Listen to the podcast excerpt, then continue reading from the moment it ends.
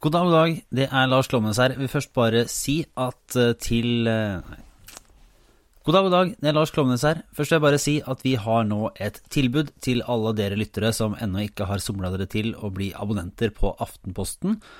Det er eh, spesielt godt nettopp for dere som lytter til oss. Så da kan dere få ti uker digitaltilgang for ti kroner hvis du går på ap.no slash sommertilbud altså ap.no slash sommertilbud. Et fantastisk godt tilbud som eh, jeg håper mange slår til på. Eh, så god sommer!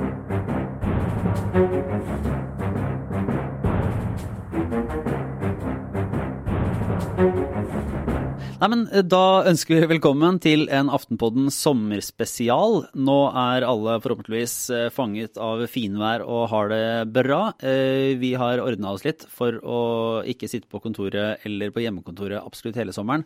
Og følger opp noen tidligere års erfaringer med å utvide horisonten litt nå i fellesferien.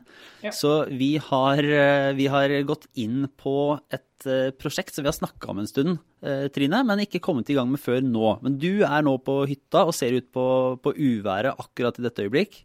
Ja, nå har det roet seg faktisk, uværet. Så nå er det bare vanlig vestlandsvær. det er ikke så veldig langt unna, ja. Eh, men du er på plass, Kjetil, så vi er, vi er foreløpig hardt arbeidende hjemme fra hyttekontoret og, og gått på plass i Akersgata.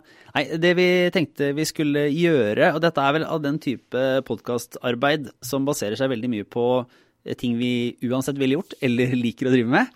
Yep. Nemlig å lese bøker. Og vi leser jo ofte bøker og ting som vi liker å snakke om, men vi gjør det gjerne på forskjellige og ulike tidspunkter. Sånn at vi er litt sånn ute av synk.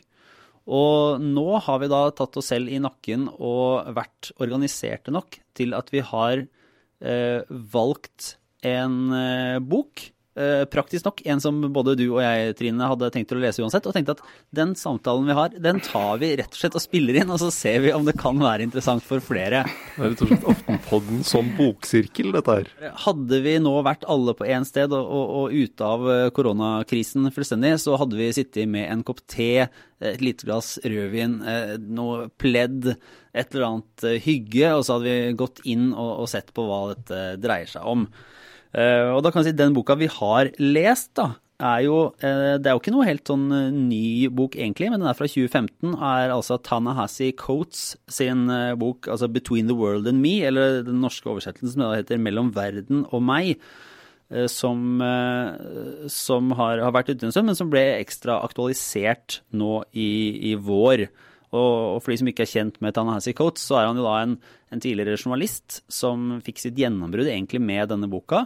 Og i etterkant så vant han da både den eh, National Book Award for sakprosa for den boka her, og han fikk det som heter et sånn MacArthur genistipend. Altså en, en eh, pengesum, jeg tror det er omtrent 6,5 millioner kroner fordelt over seks år, som han kan bruke på akkurat det han vil. Er, eh, så, som er ja, liksom for de aller, aller smarteste og beste, da, som, som skal insentiveres for å tenke frie tanker og holde på. Eh, da vi så på, på, leselistene våre, Trine, så var det jo noe både du og jeg hadde på arket allerede. Eh, kan ikke du bare si hvorfor tenkte du at det var noe du hadde lyst til å lese nå i sommer? Nei, altså I forbindelse med raseopptøyene og Floyd-saken i USA, så, så, så, tenker jo jeg alltid at um, Og den type saker. Så jeg er nødt til å lese noe annet enn nyhetssaker om den problemstillingen. Sakprosa eller skjønnlitteratur eller et eller annet. Og da må du jo lese amerikanske forfattere. Eh, så jeg gikk inn på Amazon, da, så så jeg denne lå ganske høyt opp på listen. Så da tenkte jeg må jeg se hva dette er for noe. Det så veldig spennende ut. Så da eh, bestilte jeg den til min lille Kindle eh, med en gang sammen med et par andre bøker og tenkte at den må jeg lese. Og så var det jo først etterpå det gikk opp for meg at boken kom ut allerede i 2015. Men tematikken er jo åpenbart og deprimerende nok svært aktuell også i forbindelse med den Floyd-saken. Mm. Ja, for Premisset i boka er jo at, at, det er skrevet som et brev til, til hans da 15 år gamle sønn i etterkant av en sånn skyteepisode der, der, politiet skjøt en, en ung svart gutt, han, som altså Traven Martin. Og, og, det hadde jo skjedd litt før på en måte det tas inn i boka, men, men denne politibetjenten blir jo da også frikjent. altså Det kommer ikke til å bli gjort, tatt opp noen sak mot, mot dem. da, Og, og premisset ligger litt i at, at Coates skal ser på en måte sorgen eller fortvilelsen hos sønnen sin, som, som da, som da altså det har gått noe opp for sønnen da, i, i møte med verden i denne saken. Så Coates uh, i konseptet setter seg ned og skriver et brev der han går liksom gjennom både sin livshistorie egentlig, og, og hvordan han opp igjennom har forholdt seg til det å være en svart mann i det amerikanske systemet. da og, og, går inn i det litt sånn eh, delvis eh, personlig og delvis på mer som samfunnsperspektiv. Så det er jo en sånn form for oppvekstbok også, er det ikke det, Sitter? Jo, og så er det, det er jo ganske sterk for så vidt den, eh, den, den, scenen som kommer tidlig, tidlig i boka, der, der, sønnen ser disse nyhetene om at politimannen ikke blir Eh, blir rettsforfulgt etter å ha drept en, en, ung svart mann, og trekker seg tilbake til rommet sitt og, og, gråter på rommet. Og så kommer da far Coates inn, og, og beskjeden hans er at uh, han kan ikke si til sønnen at uh, dette kommer til å bli bra. Beskjeden hans er at dette blir ikke bra, dette må du lære deg å leve med. Det er ganske det er jo en hard beskjed å gi til en 15-åring. Og det er jo det som blir, eh, blir, på en måte hans fortelling, da, når han skal begrunne for sønnen hvorfor dette er noe han en må leve med, at det er sånn det amerikanske samfunnet er. Dette har skjedd, kommer til å skje igjen. Og det andre er jo at han sier at du må være redd for altså din kropp. Han snakker jo mye om body og liksom, altså kroppen og, og levende til uh, til han og hans sønn og alle svarte menn egentlig, og sier at de er, det er risiko for at de kan bli skutt og drept uten grunn, og det må han forholdes til. Og han må passe seg, ta forholdsregler for å unngå det. Og det gjelder jo egentlig det gjelder jo hele, hele livet, på en måte, og med ulike årsaker og bakgrunner. For han forteller jo da fra sin egen oppvekst altså hvordan uh, svarte foreldre er redd for deres barns Altså han bruker jo ofte det der kropper som et sånn fysisk begrep i boka, mm. som, som, noe for å antar jeg, gjøre det veldig sånn tydelig at, at i måten USA ser på svarte, så ser de dem som kropper eller som ting. Altså man, altså man klarer ikke helt å se svarte i USA som faktiske mennesker. Og han trekker jo det helt tilbake til hvor viktig slaver var i økonomien eh, i slavetida, altså der man ble sett på som en, som en gjenstand. Og, og litt sånn gjennomgangstonen, sånn som jeg leser i hvert fall, så er det der fokuset på at eh, hvem som helst, veldig mange, kan komme inn og skade kroppen din, er sånn en måte å objektifisere eh, også liksom barnet og mennesket på. Og, det gjelder jo også altså, om foreldre som er så redd for at barna skal rammes, at de eh, slår eller disiplinerer barna hjemme for å på en måte forberede dem på den verden. Og det dreier seg om, går jo videre inn i litt sånn hiphop-gatekultur, for han er oppvokst i Baltimore. Uh, så hvis noen har sett, uh, altså sett The Wire, så vet du at det er eh, noe av det dystreste og mørkeste og mest dysfunksjonelle delene av USA. Og det går liksom rett inn i voldsspiralene der, da, og så fortsetter du inn i den liksom samfunnsmessige også, der, der det bare ja, går videre. Ja, Han beskriver jo en, en, utrygghet i oppveksten, både hjemme da, med å bli en far som slo av med beltet, og det å skulle håndtere den situasjonen ute på, på gata. Hvordan, hvordan, oppfører jeg meg riktig her for å være trygg? Hvordan kommer jeg meg unna farlige situasjoner? Og så da det, det med skolen som heller ikke, heller ikke finner seg til rette i. Og så er det jo utfor, Går han jo inn i en del sånn altså utfordrer en del sammenhenger. F.eks. Altså hvis eh, disse svarte unge mennene da istedenfor å gå rundt på gaten og være gjenger eller eh, drive med hiphop eller hva det måtte være, eh, tar utdannelse, går på universitetet, altså tilpasser seg majoritetens syn på hva som er et godt liv, eh, så vil det gå de bedre. Eh, så utfordrer han det med å vise eksempler på at eh, særlig en en studievenn av han som eh, en, har gjort alt dette, og foreldre som har lagt til rette for at han skal kunne både ta utdannelse og, og, og utvikle seg på, på, mange måter. Har ikke hatt et kriminelt sekund i sitt liv å se tilbake på, men også han faktisk ender opp med å bli skutt eh, på gaten av en svart politimann. Eh, som blir frikjent, som har rykte på seg for å være voldelig eh, som ikke det blir noen sak mot. Og da på en måte det er liksom dråpen av, av som gjør at da, da, er det ingen illusjoner igjen om, om, at dette kan gå i riktig retning. da. Det er ingenting man kan gjøre. Nei, den, det, er jo, det, er jo, en eh, Jeg bare hørte Kotsa snakke om at den historia om denne studiekameraten som på en måte var prakteksempelet på den eh, hva skal man si, den, altså, klisjeen på liksom driftige eh, svarte mannen som, som, er religiøs og flink og, og, snill og oppfører seg pent og følger alle disse reglene, at det ikke er noen beskyttelse i det hele tatt. For når samfunnet slår til, så vil det alltid kunne ta deg. Og, og, der bygger han jo opp den der, eh, tilværelsen, altså det han kaller altså the dream, som han bruker, altså har store bokstaver på, som er den amerikanske drømmen som egentlig er eh, ganske ekskluderende, men som er den typiske at du kan leve i en forstad med det hvite gjerdet og, og, den store bilen og to unger og alt, alt det som, som uh, dyrkes som den amerikanske drømmen og frihetsdrømmen, men som egentlig er bygd på en konsekvent undertrykkelse. da. Og det, ikke, det er ikke en reell ting. Ja, og Da drar han jo eh, hjem og besøker moren til eh, studiekameraten som, som, blir eh, drept av politiet, for å, for å, snakke med henne om det. Og Hun er jo et eksempel egentlig på, på, den amerikanske drømmen. Hun ble lege, klarte å få en god stilling, har fått et, bor i et velstående nabolag. Men likevel så kan hun da bli frarøvet sønnen på den måten. Så er, han plasserer jo da han skriver på en måte at den amerikanske drømmen, det er, det er for hvite. Ja, og, det, og det, er jo spennende, synes jeg, når han skriver om sin oppvekst, når han ser på TV og populærkultur. Uh, hva type hjem han får lov å se inn i da, som er liksom den hvite middelklassens hjem, som vi alle kjenner fra amerikanske TV-serier. Uh, det de holder på med, måten de lever på, det samfunnet de er en del av, det er ikke det samfunnet han vokser opp i.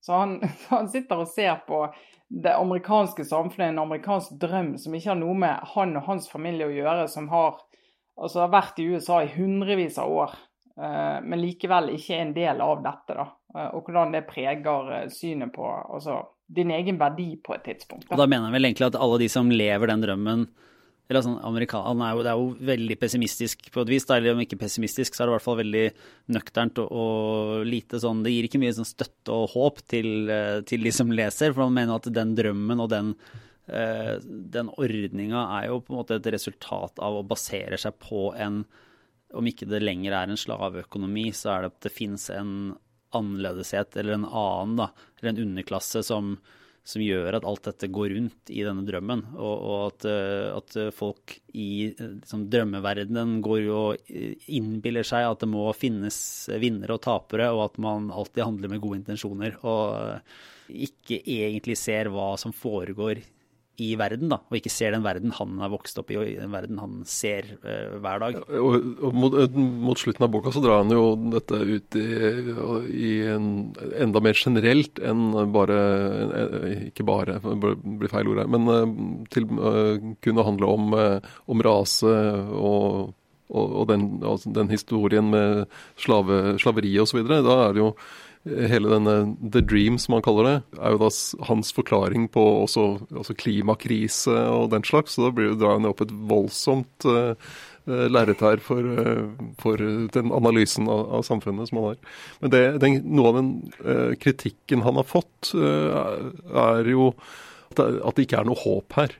En ting er at han, at han ikke kan si gå inn til sønnen sin og trøste ham og si at dette det kommer til å bli bra. Men det at han ikke engang kan si at dette kan bli bra, altså at det er en vits i å jobbe for endring, det er, det er noe av den kritikken han har fått, uh, fått uh, i, i, debatten i USA etter at boka kom. Det er jo litt paradoksalt, for han har jo på en måte blitt et Altså det er jo blitt et slags manifest for liksom Black Lives Matter-kampanjen, og, og, kanskje det er sikkert de mer intellektuelle delene av den, da.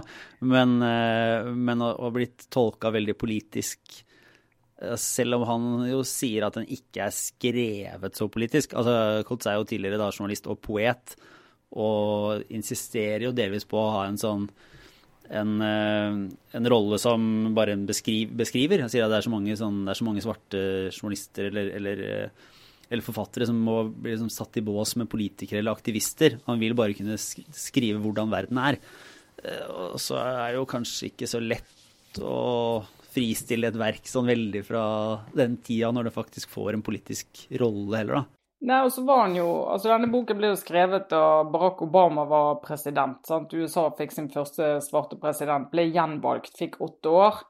Eh, og man skulle jo tro at det var det ultimate symbolet på at eh, det glasstaket, om du kan kalle det det, var knust. Nå kunne alle få alle typer maktposisjoner. Men han, han mener jo, og kritiserte jo Obama egentlig for å gjøre altfor lite med raseproblematikken og altså, løfte samfunnet, da, og var jo i en dialog med Obama eh, om det.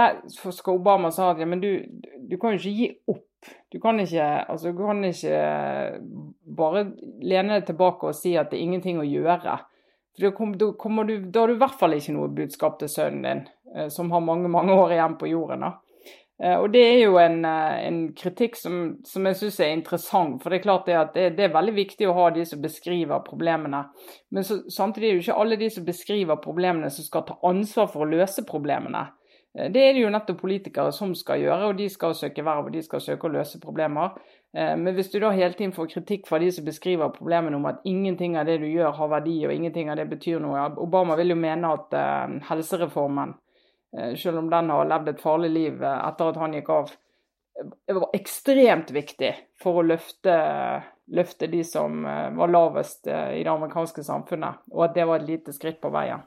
For, for, det er jo problemet hvis du har en kritikk der, du, der, konklusjonen din er at ingenting hjelper, dette er bare sånn systemet er, dette er sånn USA er, dette er uh, USAs historie og USAs arv, og du ikke har noe håp eller noe tro på endring, så er det jo en oppskrift på altså en destruktiv retning potensielt, da, og en, en en, eh, en, en, ganske ødeleggende samfunnsdebatt og også en potensiell radikalisering. fordi du har, du har ingenting å vinne, da har du heller ingenting å tape, så kjør på, liksom. Ja, det er jo, knall, den er jo knallhard. Den, altså, den, jeg, jeg, leste at, at Coates sa at han, at han, ville skrive boka som om det bare var svarte personer i, altså, i rommet. Altså han, det, det, er jo en del teori som snakker om hvor litt sånn vanskelig det kan være for minoriteter å, å delta i en offentlig debatt. Eller hele tida må ha litt ulike roller. At man må snakke på en viss måte for å måte, bli hørt i eh,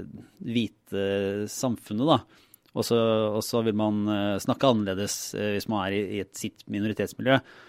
Altså, det gjør han jo. Han er, han er utrolig sånn kompromissløs og tar bort en del av det som du vanligvis i den offentlige debatten vil finne uh, fra radikale som, som måtte sminker det, eller er sånn uh, det, finnes, det er sikkert, uh, mener sikkert godt og de gjør sikkert kjempemasse viktig og allting, men det er noe andre som er problemet. Og Der er jo ikke mm. Coates i det hele tatt. Han er jo sånn hvis du bare lever i denne drømmen og, og faktisk ikke gjør noen ting, hvis ikke du er villig til å akseptere at dette samfunnet er skjevt og bygd skjevt og gjør noe med det, så, så, lever du bare Da er du bare fortsatt i, i, ditt, sånn, i, din drømmeverden, og du lever det problemet og har ingen, ingen, løsning, du heller. Og det er vel det han kanskje vil peke tilbake på, da, og si at det er den eh, løsningen ja, Det er der kritikken ligger, eller liksom løst, den, der oppfordringen ligger, selv om den ikke er så eksplisitt. at uh, at de som deltar i eh, drømmen må ha faktisk grep, eller må anerkjenne at verden ser annerledes ut. da. Men jeg syns jo han har, han har, noen eh, altså, veldig sånn gode altså, jeg, jeg hadde stor glede av boken rett og slett fordi at det er bra å lese om hvordan det oppleves å utsettes for ja, den type kall det rasisme, strukturell rasisme, hva ord du skal bruke på det, som eh, mange, særlig svarte unge menn, men også kvinner i USA, eh, utsettes for. Og hvordan det føles når de nyhetssakene som bare flagrer forbi sånne som oss, som nyhetssaker som ligner på hverandre, hvordan de opplever de, og hvor viktig detaljene er i de sakene for å forsterke bildet av at vi er ikke trygge. Eh, det, det er nyttig å lese om, syns jeg, for å prøve å sette seg inn i det. Eh, og så har han jo et annet eh, poeng som jeg tenkte på nå i denne Trump-æraen. Denne boken ble jo skrevet før Trump ble president, men han har skrevet en artikkel senere der han sier at selvfølgelig måtte Trump komme. Det, det kan vi ikke være overrasket over. Eh, men han sier jo det at de store endringene for svarte i USA har skjedd i hånd i hånd med andre historiske hendelser. Altså, Vi klarer ikke sjøl å endre vår egen historie. Vi er avhengig av omgivelsenes ønske om å endre det. og tar eh, Enden på slavehandel, hvordan den var knyttet til borgerkrigen.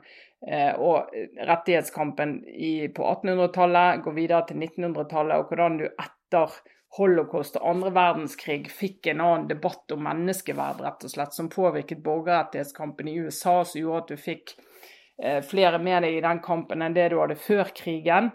Eh, og så skriver jo ikke han om det, eh, for det var jo for tidlig, men du kan jo da spørre deg er vi nå i en politisk situasjon i USA med Trump som president som gjør at at kampen hans da eh, får drakraft av flere pga. at presidenten er den han er, sånn som vi var så vidt innom i en annen podkast. Eh, så det hadde vært så interessant å høre med han om, om han ser dette som en mulighet på sikt. Altså at vi må lenger ned før vi skal opp, eller om det er helt umulig å få gjort noe. Og der kan du faktisk, Den tror jeg har anbefalt eh, den podkastmannen Ezra Klein som, eh, som, hadde en samtale med Coates for noen uker siden.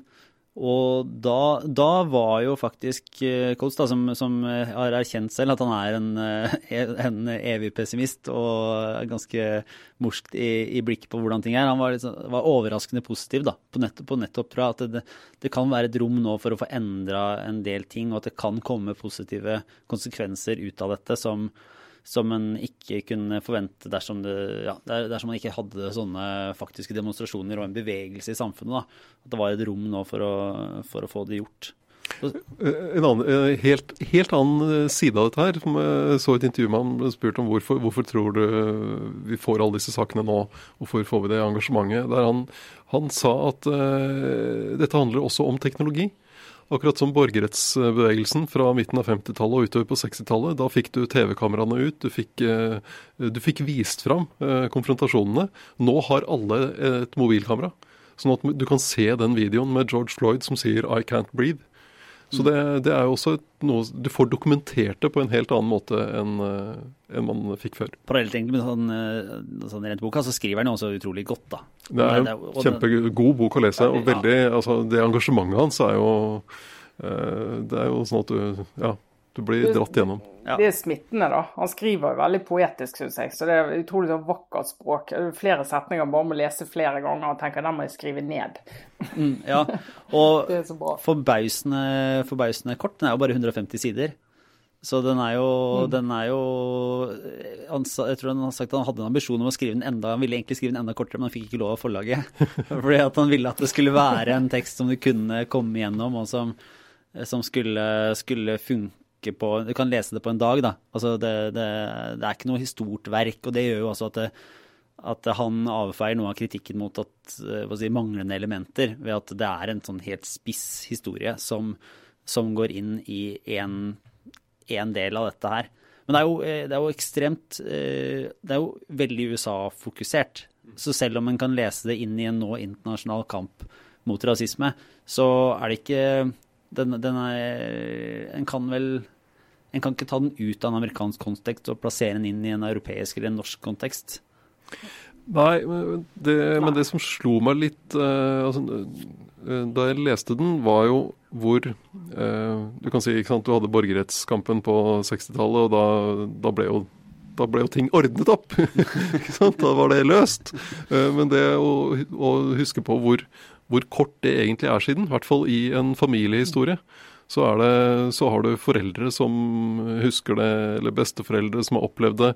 Eh, og du har eh, familier som kan, som kan dra historien sin tilbake til slaveriets tid. Så det er klart, det, det syns jeg også den boka var en påminnelse om at dette er du har en historie her eh, som ikke bare er generell for landet, men som er, går rett til den enkelte familie.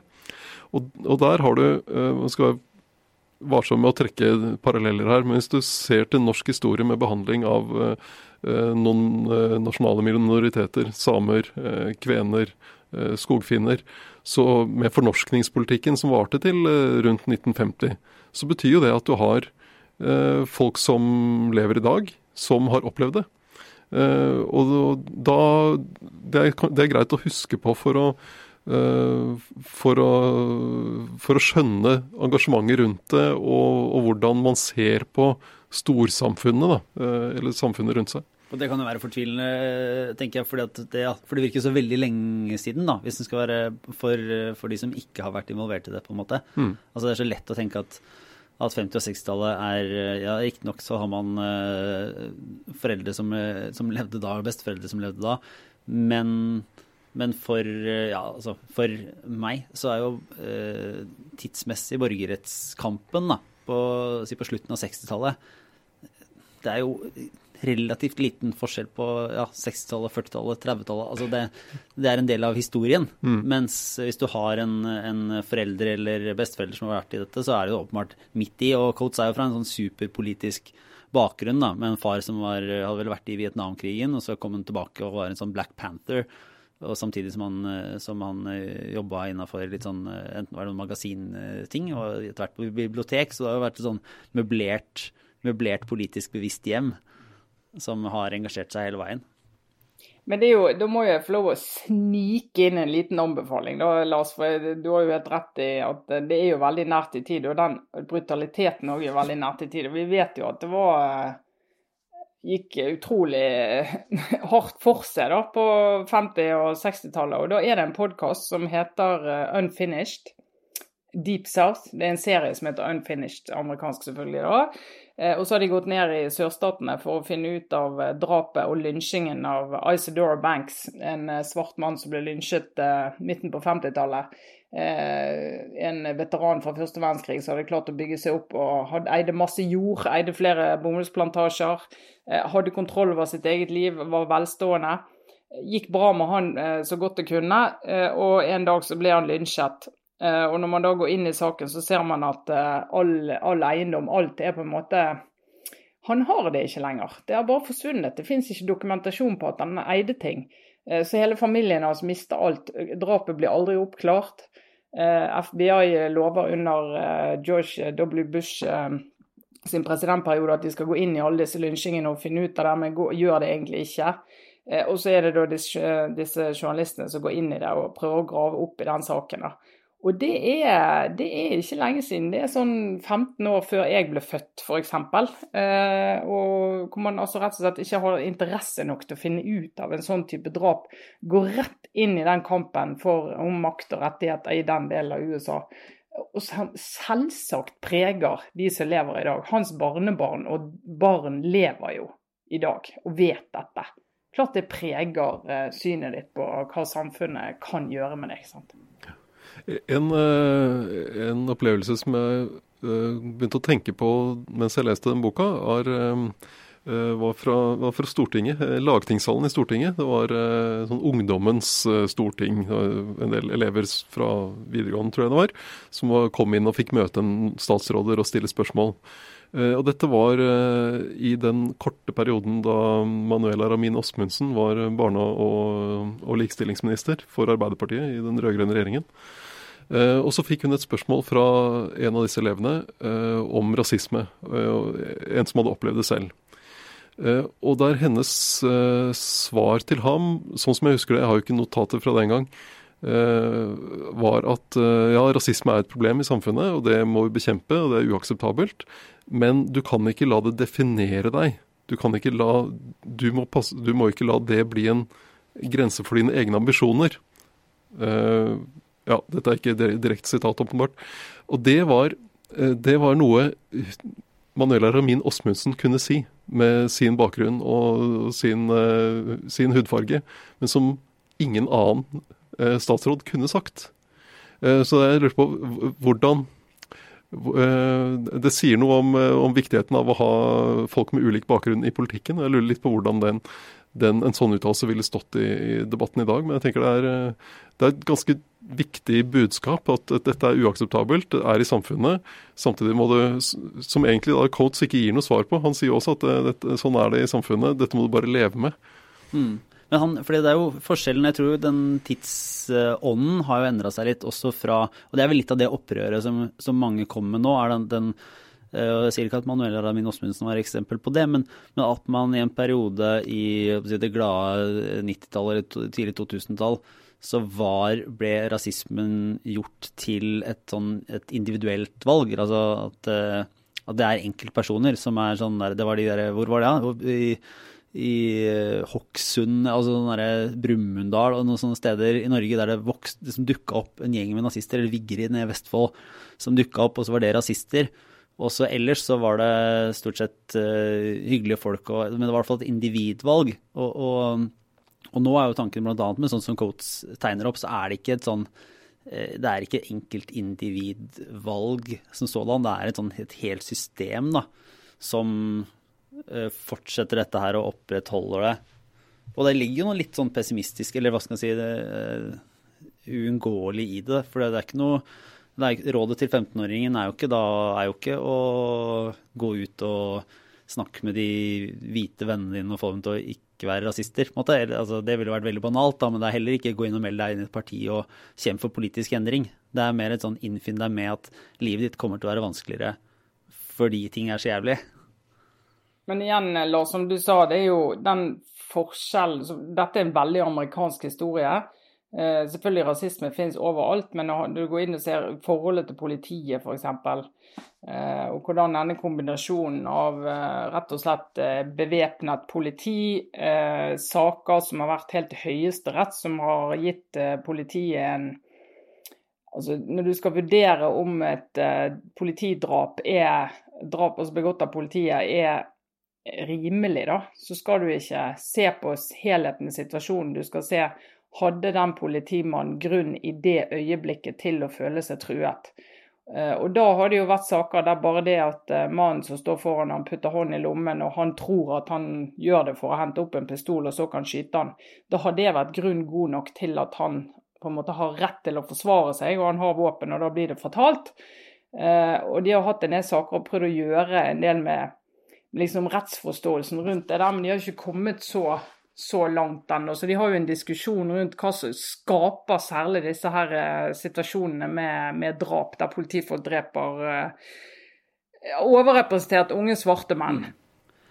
Syns dere det var uh, Det er jo ikke boka skrevet uh, målretta mot hvite redaktører i Norge. Men syns du det Får man anta. Men, men den er jo, den er jo, den er jo Eh, på en måte lite kompromissvillig. Den er ganske sånn hard i retorikken. og Den er veldig tydelig, og den peker Jeg syns det, det, var ubehagelig å lese dere sånn som representanter for hva skal jeg si, det etablerte hvite samfunnet, selv om det er i Norge? Nei, altså, ja, altså Jeg syns Han er kompromissløs, men jeg syns at han, han, begrunner valgene i boken godt, syns jeg, med, med, eksempler som rent sånn menneskelig, så skjønner du jeg kan forstå at han havner der han havner, da. Eh, med de erfaringene han har og de eksemplene han eh, forteller om. Eh, og det gjør jo at jeg også kjenner på en litt sånn maktesløshet. Ja, men hvis, hvis det er sånn, hva i all verden skal man da gjøre? Og det at boken ble skrevet i den perioden bak Obama var president, og ikke engang det bidro, eller kanskje nettopp ikke det. For du fikk jo en reaksjon etterpå som kanskje har vist at det, USA var ikke, var ikke klar for de endringene. Eh, sånn at du har fått en enda tøffere situasjon nå. Så du kan jo bli, bli litt sånn motløs av det, men samtidig, da, nettopp for det, pga. det vi ser nå, så tenker jeg at uh, ja, OK, han, han, han, forteller hvordan det ser ut. Det er hardt. Uh, det er svart-hvitt. Det er um, ingen løsninger i det. Nei, men Da får vi andre snakke om det, da. Så jeg synes jo, altså Den historien er viktig. Jeg vil anbefale folk å lese den boken. Mm. Jeg tenker det er, det er litt sånn uh, Sitte her som, uh, som uh, redaktør i Oslo uh, og lese den boka. Det er, det jeg tenker det er en påminnelse om at vi, vi, vi, vi tror vi kan mye om USA. men det er det er fortsatt et veldig annerledes land enn det vi, det vi kjenner best. og jeg fikk litt samme opplevelsen da jeg leste den uh, boka 'Hillbilly Elegy'.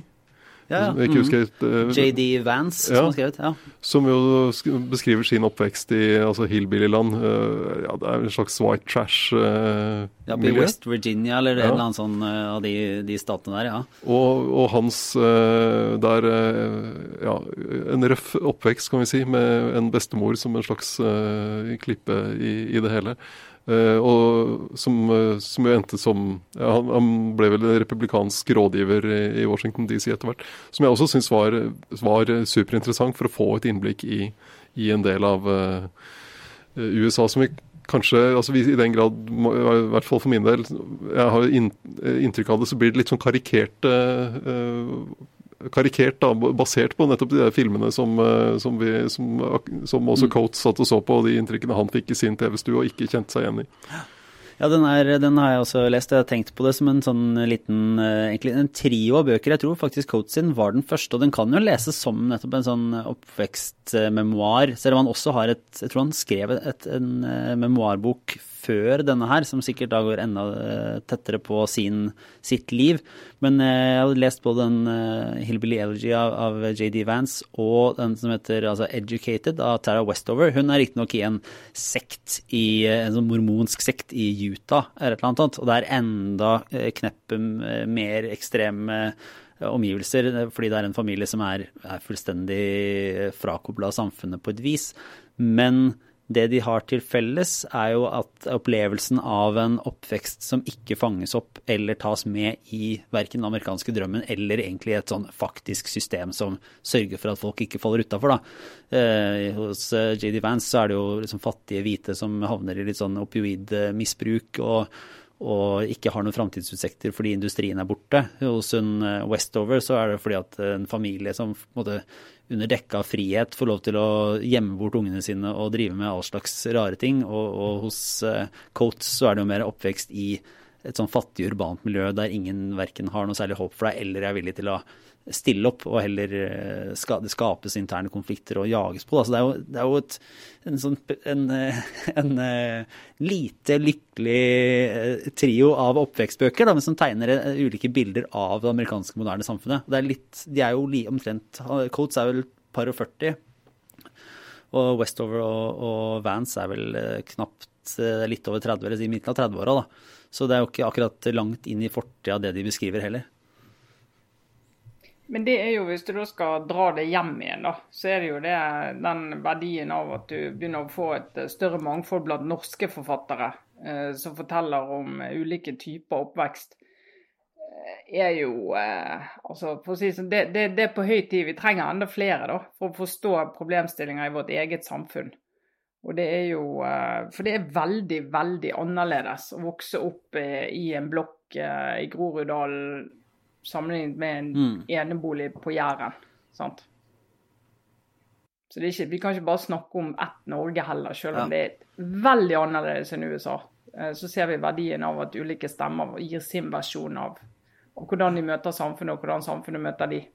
Så tror jeg en del av de som eh, jeg vet, Litt i Norge og, og i hvert fall i USA, så er jo litt sånn Folk er jo lei av Eller syns det er litt slitsomt da, at eh, type hvite intellektuelle skal drive og forstå og forstå og forstå, og så tas det ikke så drastiske grep som det, det menes og trengs. Altså man, man eh, det kan, kan jo diskutere, det er en, en, en, en, vanskeligere politisk diskusjon i Norge kanskje, fordi man har et mindre institusjonelt forhold til det. Men eh, sånn som i USA, så har jo Coates også skrevet en bok som er altså The Case for Reparations, altså erstatning etter slavetiden som snakker om mer sånn konkrete politiske grep for å rette opp i den systematiske forskjellen. Da.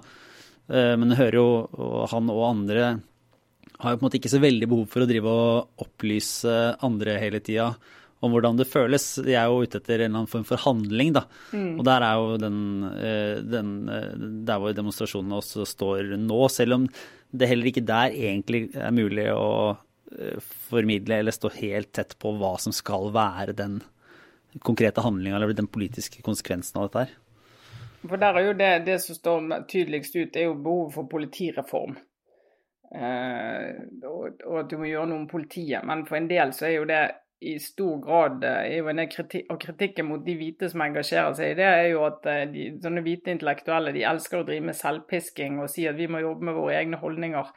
Men når det kommer til å faktisk få bo i et mer mangfoldig nabolag og få større mangfold på skole, og der, der jeg håper å si, forskjeller virkelig viskes ut, så er de ikke like villige til det. Det blir for mye.